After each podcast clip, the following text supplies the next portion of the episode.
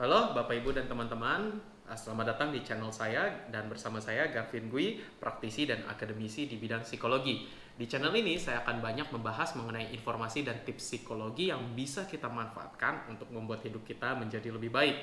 Nah, pada video kali ini saya ingin membahas suatu topik yang bernama negativity bias atau bias negatif. Kenapa topik ini saya bahas? Karena negativity bias ini atau bias negatif ini uh, mungkin sering terjadi dalam kehidupan kita sehari-hari.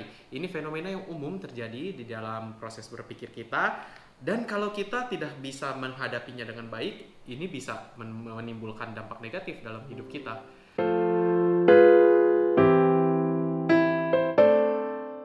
Saya teringat dengan kejadian waktu saya masih kuliah dulu. Jadi saat itu saya bersama teman-teman saya sedang mengadakan sebuah event Event ini menurut kami tergolong cukup besar karena akan dihadiri oleh sekitar 1000 orang lebih dan diadakan di sebuah uh, ballroom mall. Ini bukan event kampus sih, uh, tapi kejadiannya waktu saya masih kuliah. Nah, karena event ini kami anggap besar, kami menyiapkannya dengan sebaik mungkin. Rundownnya kami matangkan, narasumbernya kami pastikan berkualitas, posternya bagus, dan lain-lainnya. Jadi kami berusaha untuk melakukan yang terbaik. Dan pada saat acara berlangsung, uh, kegiatannya memang berjalan sesuai rencana. Uh, rundownnya rapi, sesuai dengan yang sudah kami uh, rancang. Pesertanya ramai, acaranya berlangsung dengan baik. Pesertanya terlihat puas dengan acaranya. Namun di tengah-tengah acara ada satu kejadian yang membuat saya dan teman-teman lainnya merasa kurang puas. Di tengah-tengah acara, mic-nya sempat bermasalah mengeluarkan bunyi-bunyian yang sebenarnya nggak dibutuhkan, menimbulkan feedback kalau teman-teman tahu. Jadi bunyi yang bising ini cukup mengganggu selama beberapa detik. Sebenarnya secara umum acaranya berlangsung dengan baik, tapi karena ada kejadian mic tersebut, saya dengan teman-teman saya hingga acara selesai tetap merasa tidak puas, tetap merasa kayaknya ada yang kurang dengan acara tersebut. Sehingga ketika acara selesai, kami bukannya merasa puas atau merasa gembira, tetap terus terpikir, wah sayang sekali, tadi mic-nya ada masalah. Padahal kalau tidak ada masalah, bisa keren banget. Itu terus yang terngiang-ngiang. Padahal kalau kita mau lihat secara rasional, 90% atau 95% acara sudah berjalan baik. Kesalahannya kecil. Tapi yang terus teringat-ingat atau yang terus kami sesalkan adalah kesalahannya. Well, yang terjadi pada kami pada saat itu adalah bias negatif yakni ketika kita lebih fokus pada hal yang negatifnya daripada hal yang positifnya. Nah, ayo kita bahas lebih lanjut bias negatif ini menurut uh, para pakar. Pertama saya akan mengutip dari Vice et al. Vice et al. mendefinisikan bias negatif sebagai kecenderungan pikiran kita untuk memproses, belajar dari, dan mengolah informasi yang negatif daripada informasi yang positif. Dan definisi menurut satu pakar lagi yaitu Keresia et al. mendefinisikan bias negatif sebagai cara berpikir kita di mana kita lebih fokus dan lebih cepat memproses informasi negatif daripada informasi yang non negatif. Nah, dari dua definisi tersebut, kita bisa sama-sama menyepakati bahwa bias negatif atau negativity bias itu adalah kecenderungan otak kita untuk lebih fokus dan lebih menaruh atensi pada hal-hal yang negatif dibandingkan hal-hal yang positif dan itu yang terjadi pada saya dengan teman-teman saya di cerita yang sudah saya ceritakan tadi. Nah, negativity bias ini sebenarnya adalah fungsi adaptif evolusi kita. Artinya apa? Artinya negativity bias ini berasal dari warisan nenek moyang kita. Nah, pada zaman purbakala dulu, nenek moyang kita pada saat itu mereka hidup dalam kondisi yang terekspos oleh ancaman. Ya kalau di zaman purbakala manusia itu uh, dia terancam ya oleh predator. Jadi predator itu akan mengawasi kita, mengawasi manusia, dan menunggu waktu yang tepat untuk menyerang. Sehingga nenek moyang kita mengembangkan negativity bias ini untuk melindungi diri. Jadi ketika ada situasi yang ambigu, ketika ada situasi yang tidak jelas, nenek moyang kita akan menganggap ini sebagai situasi yang berbahaya. Karena apa? Karena ya tadi seperti yang saya bilang, bisa saja predator sebenarnya sedang mengintai dan menunggu waktu yang tepat untuk menyerang.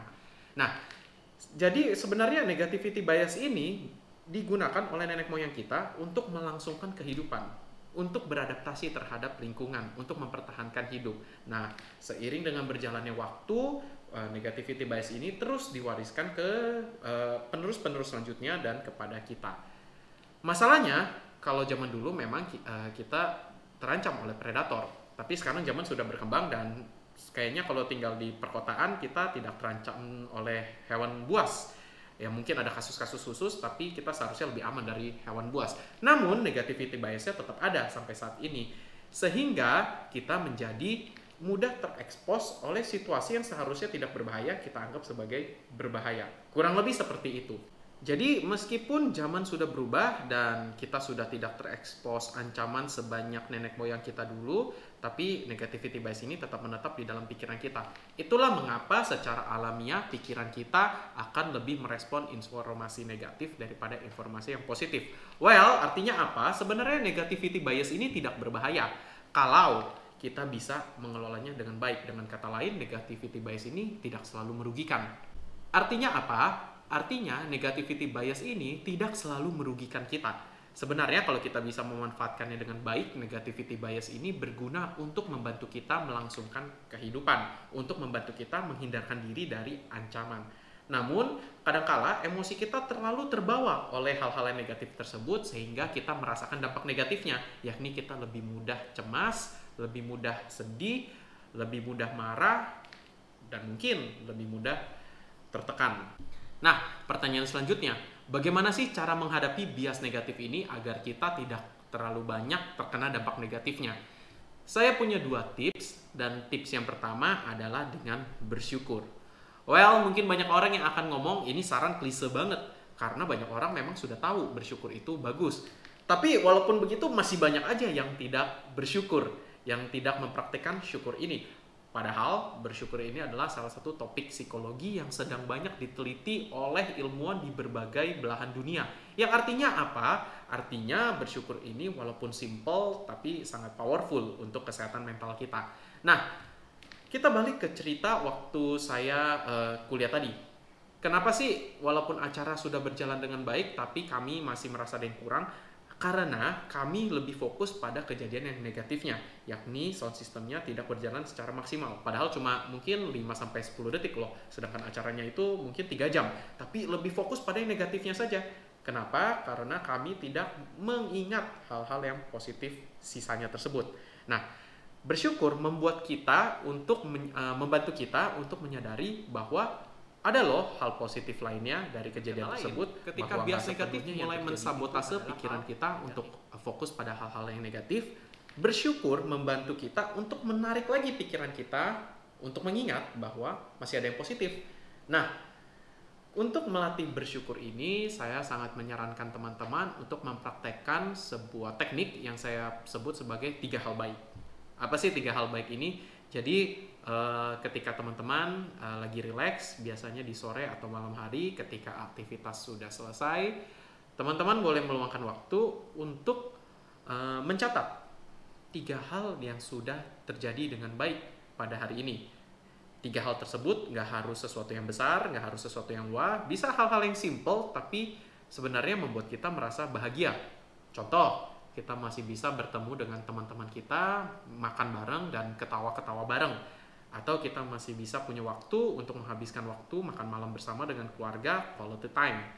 Ada banyak sebenarnya, tapi karena kita tidak terbiasa untuk mensyukurinya, kita jadi seringnya take it for granted atau ya kita anggap lalu aja.